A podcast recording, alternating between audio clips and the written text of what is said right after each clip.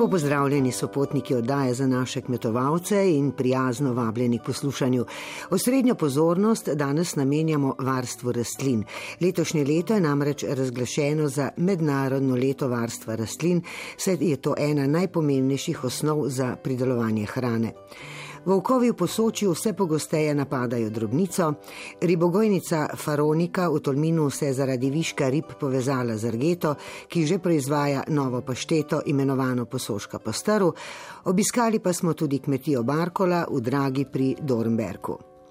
V slovenski Istri in Brdih se je začela trgata v sort, ki so podlaga za penine. Obeta se količinsko in kakovostno dobra letina. Iz spodnje Vipavske doline pa vzpodbudna novica.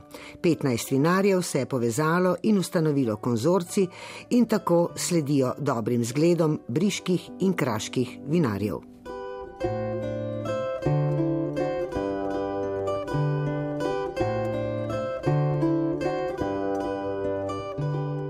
Letos obeležujemo mednarodno leto zdravja rastlin.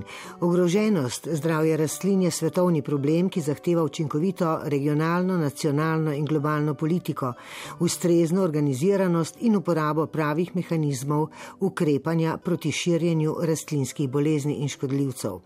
Prav zaradi potrebe po povezovanju in skupnem ukrepanju je Svetovna organizacija za kmetijstvo in okolje, v okviru katere deluje Mednarodna konvencija za varstvo rastlin, letos letošnje leto razglasila za mednarodno leto varstva rastlin.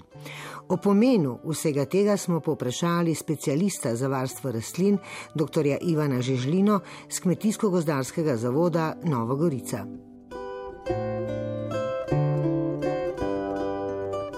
Začela bova pri pridelavi hrane, ki že zdaj in bo v prihodnje še bolj pomembna in ena strateških nalog človeštva, s tem pa je seveda povezano tudi varstvo rastlin, ko govorimo, da nimo v Evropi še posebej. Tako. E, torej, ko govorimo o pridelavi hrane, e, moramo vedeti, da širša javnost pravzaprav zelo malo ve o tem. E, torej, e, pridelava hrane e, zahteva veliko znanja, rekel, tudi ne na zadnje eh, neke tradicije, eh, pravilnega pristopa in pravzaprav ni sama po sebi umevna, kot marsikdo misli.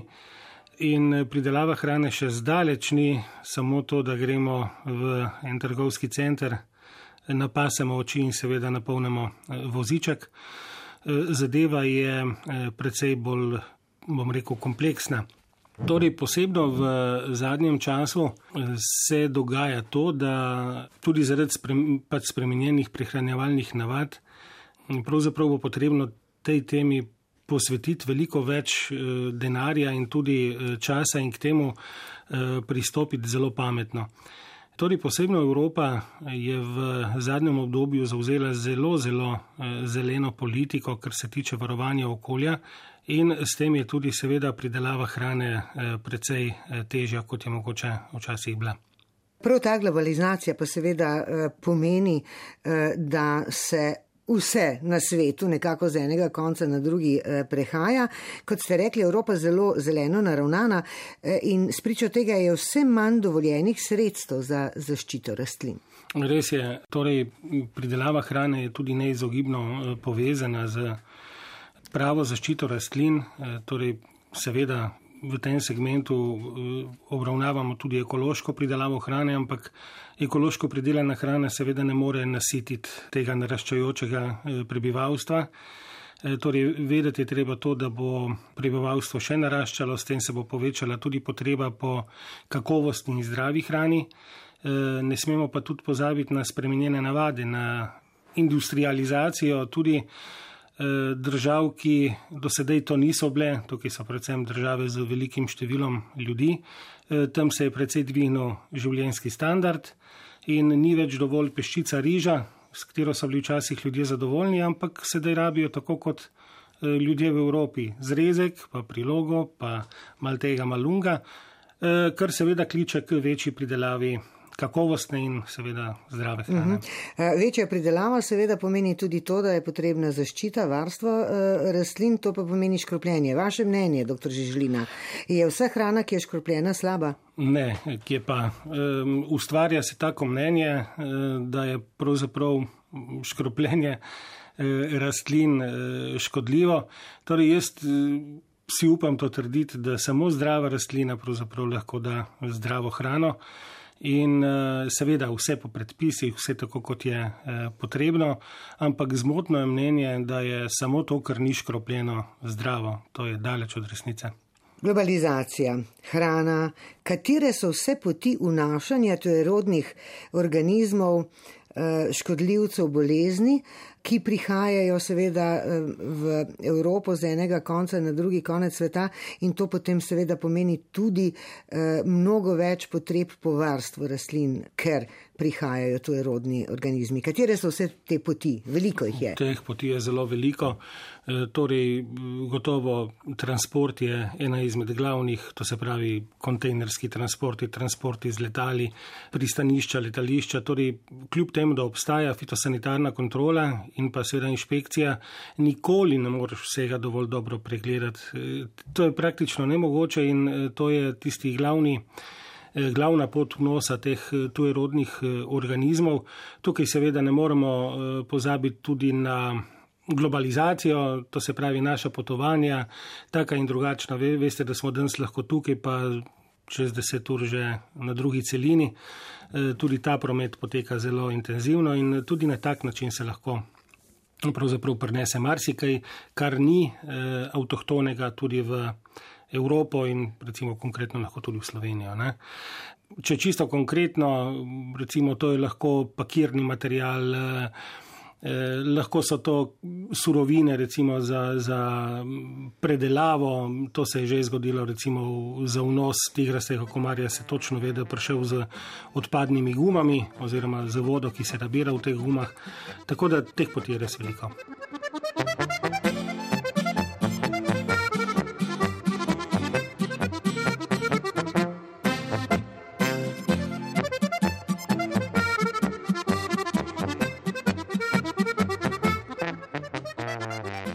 Rekli ste, veliko potujemo in seveda, ko odkrivamo uh, dežele, ki jih ne poznamo, odkrivamo tudi uh, lahko čudovito cvetje, uh, semena, vse to bi radi prinesli domov.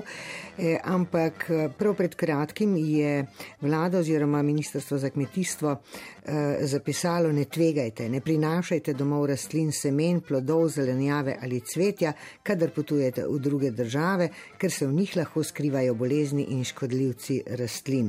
E, to zagotovo drži in lahko vnos ene same rastline, e, z vnosom ene same take rastline ali semena prinesemo e, škodljivce bolezni, ki se potem razširijo. Ki se razširijo v širše območje. Ne? To res eh, lahko naredimo zelo, zelo velike težave. Tukaj seveda moramo ločiti eh, vnos tujerodnih organizmov iz tako imenovanih tretjih držav, tiste pač, ki niso članice Evropske unije. Res je vsem, ki kamorkoli eh, gredo, prosim oziroma priporočam, no, da se eh, tuje rodnih ali pa bilo kakšnega materijala rastlinskega pravzaprav ne nosi sabo. Vse imamo v Sloveniji različne trgovine, kjer se da eh, pravzaprav dobiti skoraj vse. Ustrezno pregledano in seveda tudi certificirano. Zanimivo zgodbo imate na to moje vprašanje. Ja, eh, imam eh, drugi vidik, je pa tudi premeščanje znotraj uh, Evropske skupnosti. Ne. Tudi tukaj um, priporočam ljudem, naj ne nosijo tega, če grejo vem, v Italijo, Nemčijo, Grčijo, naj tega ne nosijo v Slovenijo. Kljub temu, da ni kontrol, ampak vseeno tveganje obstaja, torej, ko pride nek tujeroden organizem v Evropo, eh, se ne tako razširi recimo, po celi Evropi. Tak primer je recimo tale bakterijski ožih holk, ksilela fastidioza, no in tukaj je tale zgodba. Torej, v letu 2016 so tudi čisto naključno pri pregledovanju eh, rastlinjakov eh, v Nemčiji, v enem manjšem kraju, eh, je fitosanitarni inšpektor opazil zelo čuden oleander, vzel vzorec in seveda ta zadeva je bila pozitivna na to bakterijo. Torej gre za zelo virulentno bakterijo, ki je zelo polifagna, napada preko 300 različnih rastlin in predstavlja resnično zelo veliko tveganje za okolje. No in seveda potem je stekla akcija. Kaj se je ugotovilo? Gospa, ki je bila pred kratkim na potovanju po Južni Italiji, se je zaljubila v eno sadiko oleandra, ga prinesla v Nemčijo, ker ni kontrole, seveda je to naredila brez težav, in prosila bližnjega cvetličarja, da to prezimi v rastlinjaku. No in seveda potem je stekla akcija in jaz sem imel priliko z tem gospodom Govord, ki je to akcijo peljal, trajala več let in tudi povlekla zelo velike finančne posledice. Več kot 5 milijonov evrov je pravzaprav stalo, da so potem to zadevo oziroma to območje očistili. Skratka, ena zelo nepremišljena poteza lahko povleče zelo velike finančne posledice za celotno skupnost. Ob obali polje cvetja se rumeno se zlati, je to sonce čar poletni, kaj tako močno diši, da je primorka zala pridi, zoro jutranja zapoj, ta vrni stred cvet rumeni, me začaral svet je tvoj. Bela skala in galini, šumalo še pet morja, zacvetila je vrnistra, zate moja deklica.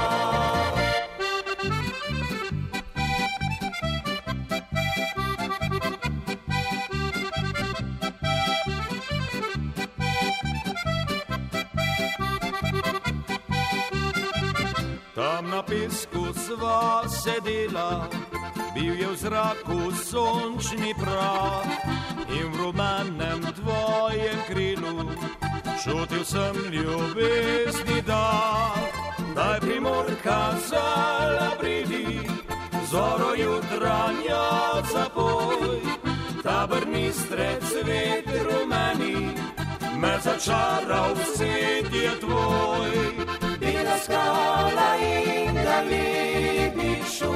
Šumalo še pet morja, zacvetila je vrnistra, zate moja deklica.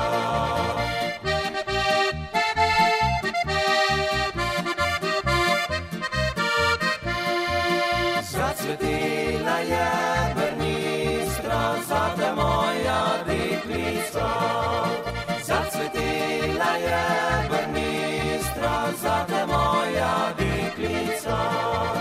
Zacvetila je vrnistra, zate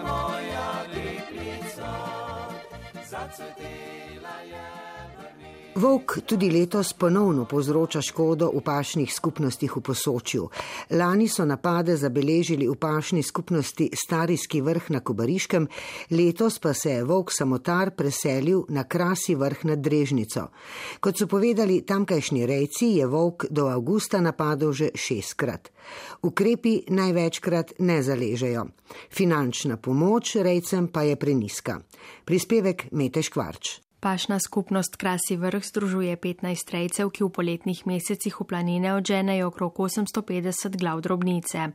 Kot je povedal rejec Martin Uršič, so do sredine avgusta zabeležili že šest napadov volka, ki je pokončal 43 ovc in kos. Bomo videli zdaj v jeseni, kakva bo točna številka, kaj bo vse manjkalo. Ne? Nekje je sigurno, recimo tam do 10 odstotkov lahko šteje človek, je to normalno, ne, če so normalne okoliščine, pač manjka, pride do raznih poginov in tako. Samo se bojimo, da bo, da bo ta številka kar velika pogrešane ovce, ki jih ne bomo dobila, ne, za, za tisto ne dobimo nič. Mi smo predvidevali za jeseni, da bi bilo jančkovih 70 do 80 za prodajo, pač imamo tudi predelovalni objekt, ne, si nekako v dogovorih z gostinci, vprašanje, kaj bomo mi dol dobila, ne, od teh jančkov a bo še kaj za pobrati ali ne bo nič.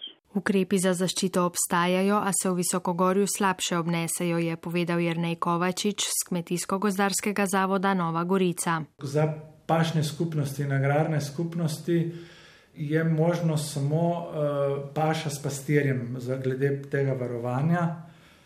vendar ti visokogorski pašniki nimajo nekega bivalnega prostora za pastirja, tako da se to ne obnese v, v zadostni meri, da bi se to lahko uporabljalo. Ne. Za same kmetije pa obstaja več možnosti varovanja, ki so v teh, v teh pop ukrepih. To je visoke elektromreže premične, potem varovanje s pastirskimi psi in s pastirjem, kot smo že tle rekli za planino. Zdaj tudi, to, tudi ta prenos in samo vsakodnevno zapiranje, ker so uh, v te elektromreže, predstavlja tudi za nižinske kmete ve, velik problem, ker to niso večje parcele, da bi lahko uh, to delali, niso zraven kmetije, ampak se lahko precej proč od kmetije in ne moreš ti vsakodnevno živali uh, zapirati in zjutraj spet odpirati. Potem pastirski psi, kot vidimo, zaradi pohodnikov, tudi ni najbolj, ker uh, marsikateri pohodnik, kljub uh, tabli in opozorilu, uh, vseeno vstopajo v tiste pašne pašnike. In potem, če bi se karkoli zgodilo, nosi finančne posledice, pa kmeta. Ne? To je pri pastirskih psih, sami pastiri, eh, pa tudi bi morali po noči pač v te elektro, manjši del pašnika bi moral biti vedno ograjen in bi morali v tiste po noči zapirati živali. Ker pastir tudi ne more po noči nekaj eh, precej narediti. Te pa res, da se napadi lahko dogajajo tudi, tudi čez dan. Pa napadajo samo volkovi ali tudi kakšne druge zveri, recimo šakali, medvedi tudi? Ja, tudi, tudi to, vendar eh, to v manjšem eh, obsegu. Medvedi so problematični samo tisti, ki se enkrat uh, naučijo pač pobijati, uh, drugače medvedi je tudi druge. Ni, ni ravno tako, je problematičen, vendar ne v taki meri kot volkovi, ki pobijajo res večje število živali. Um, sam šakal je pa manjši in tam je več škode, pa predvsem pri agnetih, večjih in manjših. Tudi šakal dela, pa seveda tudi škodo, pa tudi druge, tudi lisica lahko in tako naprej. Ne. To so v obsegu, ki niti niso toliko, pri, mislim, pozivam lahko tudi to, da tudi te škode bi se pa bilo potrebno prijavljati, da so ocenjene in da se na koncu dejansko vidi, kakšna škoda je povzročena. Rejci sicer dobijo očkodnino v višini 168 evrov na ovco. Imajo vrednoteno, koliko naj bi bila vredna ena ovca, je bolj, bolj sramotno, ne, če, če gleda en dober rejc, koliko dela je, da, koliko truda, da prideš ti do enega solidnega tropa, da narediš eno selekcijo. Je to sramotno in pa še zaplačati, ne, recimo na starijskem vrhu, mislim, da za leto in pol nazaj niti niso dobili še vsega plačanega, približno polovico. Tisto, kar so dobili, a ne zdaj vse ostalo, kar, kar človek ne dobi, ne dobiš neč. Ne. V posoških planinah najdemo tudi avtohtono drežniško kozo. V Sloveniji je takih koz malo. Drežniška koza je prav ena rekel, posebnost, tudi v alpskem svetu je um, posebna in jo je precej malo v Sloveniji, še ne, nekje samo okrog 600 živali, je avtohtona, zaščitena in prav njena posebnost je, da prav se pase in se je vedno v takih visokogorskih pašnikih pasla, še vedno se, vendar z takimi napadi bodo po vsej verjetnosti tudi rejci lahko to bolj opustili in se bo naredila velika škoda za samo drežniško kozo. Ne. Če se bodo napadi volkov nadaljevali tudi v prihodnje, bo planinsko pašništvo propadlo, pa še opozarjajo v pašni skupnosti Krasi vrh.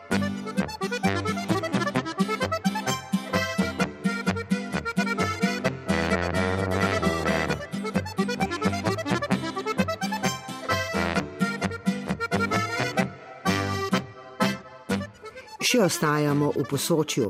Ribogojnica Faronika iz Tolmina je v preteklih mesecih skrbela, da je njihovo delo potekalo nemoteno. Kljub temu je prihajalo do viškov rib, saj so izgubili večji del svojih kupcev. V tem času so zato iskali dodatne trge. Uspeli so se povezati s skupino Atlantik Droga Kolinska, njihovo blagovno znamko Argeta in Merkatorjem. Argeta je namreč od ribogojnice odkupila 15 ton filejev šarenk. Iz njih že proizvajajo novo pašteto, posoška postrv, ki v septembru prihaja na police v trgovine Merkator. Z direktorico ribogojnice Urško Bizjak se je pogovarjala Meta Škvarč. Epidemija koronavirusa je močno vplivala tudi na delovanje ribogojnice Faronika. S kakšnimi težavami ste se soočali? Zaradi epidemije smo izgubili večji del našega trga, za katerega smo se vsi prizadevali močno, da smo ga osvojili. In sicer so to predvsem šole, vrtci in druge javne ustanove, v katere smo ponujali fino čiščen file šarenke. To je predstavljalo nekje približno 80% vsega našega prometa, ki ga je bilo potrebno nadomestiti. Mi smo sicer v času korone uh, ostajali odprti, torej vsi naši zaposleni so ostali na delovnih mestih, saj in konec koncev gre za uh, vzrejo živih biti, ki jih pač ne moremo prepustiti samih sebi, potrebno jih je pač hraniti, skrbeti za nje. Uh, tako da smo res v nekem trenutku bili pošteno zaskrbljeni, um, kako in kaj naprej. Uh, Eh, no, in v tej situaciji se potem včasih res zgodijo tudi lepe, lepe zadeve, lepe presenečenja, pravi ljudje na pravem mestu, prava beseda najde pravega sogovornika in uh, nekako smo se uspeli potem z Atlantik droga Kolinsko uh, dogovoriti o skupnem sodelovanju. Kako ste pa že med samo epidemijo reševali težave z viški rib? Teh težav enostavno ni mogoče rešiti, ker če kupca ni, eh, pač riba ostaja v bazenih, riba raste naprej. Eh, ta čas, pomladno, poletni čas je za nas eh, višek sezone, ko riba najhitreje, najbolj uspešno prirašča. Tukaj smo sicer rast nekoliko zaustavljali s tem, da ribe nismo dodatno hranili, ampak smo ohranjali nekje to količino hrane v tej meri, da riba ne um, pospešuje v tem prirastu. Vendar se to uh, vrčevanje na hrani kasneje seveda lahko maščuje, ker ta riba potem takrat, ko bi že morala doseči neko določeno velikost, primerno za prodajo, uh, seveda ni dovolj velika. No, omenili ste že novo sodelovanje. Dobra posledica korona krize je nov produkt, ki ste ga razvili skupaj z Argeto in Merkatorjem. Gre za Argeto posoška postrv. Ja, uh, mislim, da je ta korona kljub vsemu tudi imela seveda pozitivne posledice. Uh, vsi smo se bili prisiljeni orientirati na lokalne trge, tako kupci kot prodajalci. In uh, tukaj se je seveda pojavila dodatna priložnost za vse nas. Bolj smo postali zanimivi za tiste, ki iščejo uh, lokalne kvalitetne proizvode. In v tem smislu smo mi seveda zagotovo pravi ponudniki, uh, našo postrv zares odlikuje uh, visoka kvaliteta, zato tudi ni najcenejša, je pa zagotovo uh, vrhunske kakovosti. In uh, Argeta, mislim, da vsako leto uh, ali obdobno vsaj ima neko dodatno proizvodno linijo svojih paštet z različnimi okusi, ki niso del njihove redne linije. In letos so se pač odločili, da bi oblikovali proizvod z ribjim okusom, dodatnim okusom. In to je ta ribja pašteta iz naše postrvi, bo pač ta njihov letošnji izdelek. Kako pa je prišlo do tega sodelovanja? To je res na ključje. Torej, pravi ljudje so se pojavili v naši dolini, na pravem mestu. Uh, veste, da je dolina majhna, da se ljudje srečujemo samo na nekaj mestih.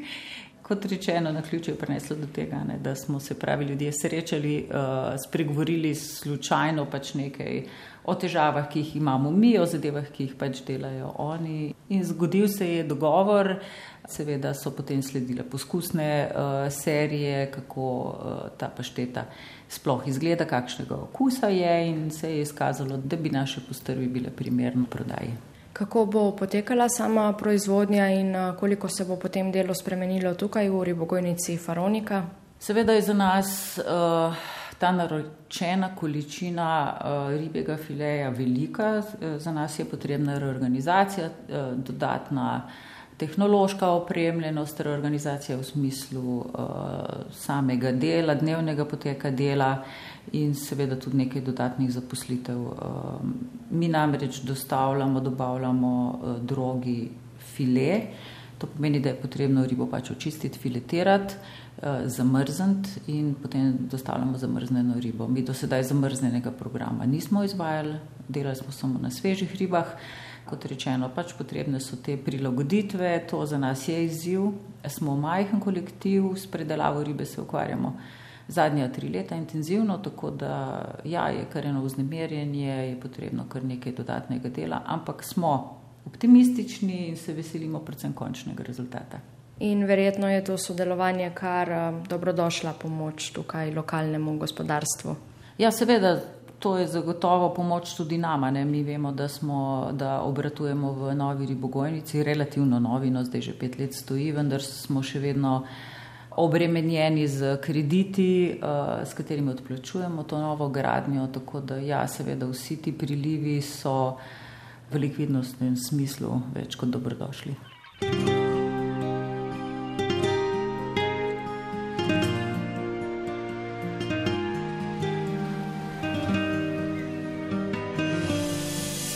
Na morje sam, ob rojstvu dneva, ko spremlja ga le glas galeba, na morje sam, stari batami, odhaja stari peška dol.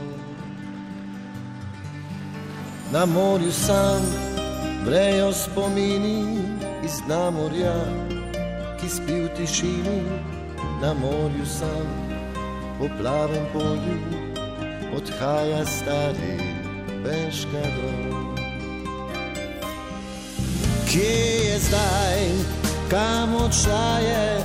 Stara klapa, neprespanih noči, dej nam hitro, eno rundo, nihče več ne zakriči, ni več pesmi, ni več smeha, mora cantando se ne igra so zazdrsne in ponikne med brazde starega moža. Na morju sam tako znavade, vrže mrežo, dan ukrade, po morju sam, zvalovi jutra, odhaja stari peška do. Po morju sam, gre proti obzorju, mreža bo tokrat ostala v morju. In čisto sam in čisto tiho odhaja stari peška dol. Kje je zdaj, kam odšla je stara klapa neprespanih noči, dej nam hitro eno rundo če več ne zakriči. Ni več pesmi, ni več smeha, mora cantando se ne igra. So zazdrsne in ponikne med brazde starega moža. Kje je zdaj, kam odšla je stara klapa, neprespanih noči, dej nam hitro eno rundo, nihče več ne zakriči. Ni več pesmi, ni več smeha, mora cantando se ne igra. So zazdrsne in ponikne med brazde starega moža. So zase posušila, odšel je zadnji peška Ob koncu oddaje pa se podajamo še na kmetijo Barkola v Drago pri Dornberku. Pogovarjali smo se z mladim gospodarjem Tadejem Kavčičem. Kmetija Barkola ima že eh, dolgo tradicijo, sega že tja v konec 19. stoletja. Ja, kmetija Barkola sega v 1898. Jaz sem že peta generacija, ki izključno uh, živi od kmetovanja na kmetiji. Ukvarjamo se v Lanini z vinogradništvom in vinarstvom. Zraven vinarstva pa imamo še razne dopolnilne dejavnosti, kot so recimo prereja perutnina, vzreja prašičev, nekaj sadjarstva še in nekaj olkarstva.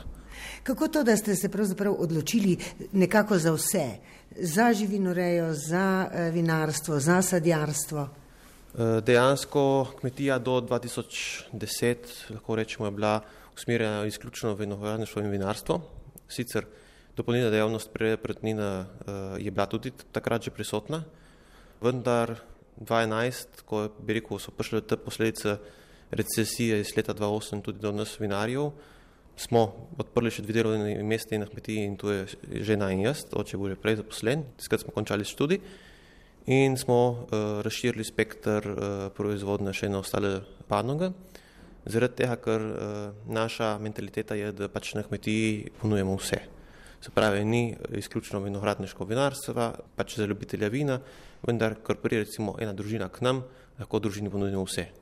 Od rekel, domačih mesnin do vina, sokov, vsiha, tako da nekako pokorimo celotno uh, panogo in s tem zadovoljimo tudi Eh, naše potrošnike.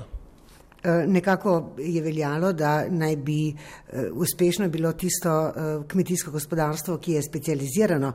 Vi pa ste se odločili pravzaprav za drugačno smer. Se to izkaže kot dobra odločitev? Jaz kot peta generacija, ko sem se rekel ustalil na kmetiji, sem gledal malo tudi za nazaj. Ne? Spravi, neka, naša kmetija je tradicionalna kmetija, se pravi, gre iz roda v rod, znanje in rekel, izkušnje se podlagajo iz starejših na mlajše. Če je zadeva delovala pet generacij, se rekel, bomo pač poizkusili tudi mi. Poleg tega je kmetija bolj stabilna. Ne? Glede raznih ujm, glede uh, rekel, zeb, nihanja tržišča, uh, je nekoliko ekonomsko bolj stabilna z tega stališča.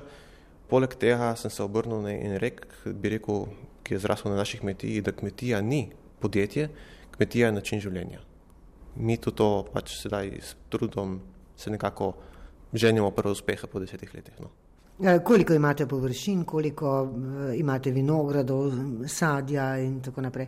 Uh, trenutno obdelujemo 20 hektarjev vinogradov, vse v Bergu izredno uh, strmih vinogradniških lehah.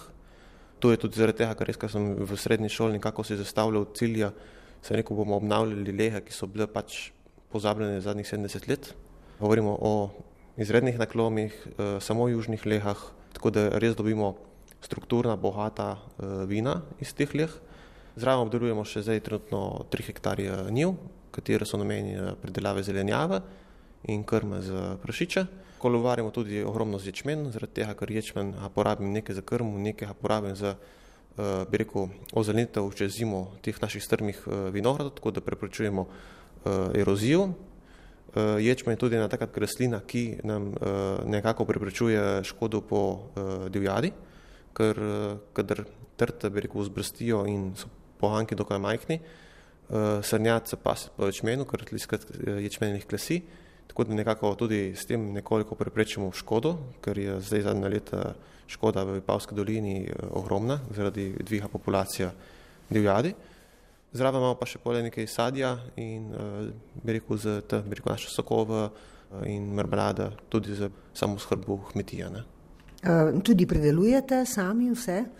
Predelavo trenutno imamo dejansko samo vinogradništvo, vinarstvo, oziroma vinarstvo, zaradi tega, ker uh, tako hitro uh, panoga se ni dalo razširiti in počasi, počasi smo širili tudi v predelavo sokov, sumesnatih izdelkov in počasi tudi neko turistično kmetijo bomo odprli.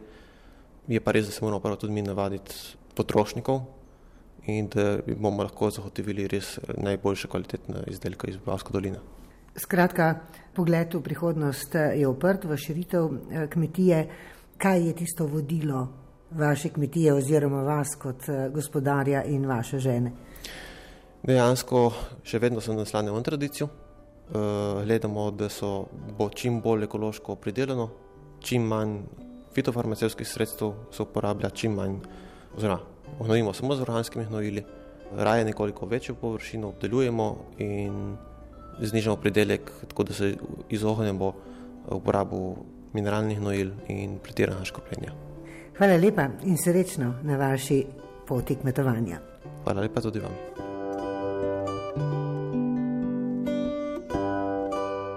S tem smo zaokrožili zadnjo avgustovsko oddajo. Prihaja september, ko bodo imeli največ dela vinogradniki in vinari. Ugodne vremenske pogoje jim želimo, vam pa mirno nedeljo in prijeten teden do našega ponovnega snidanja. Oddajo sem pripravila Ingrid Kašca Bucik, tehnična izvedba Igor Valentinčič. Pa srečno!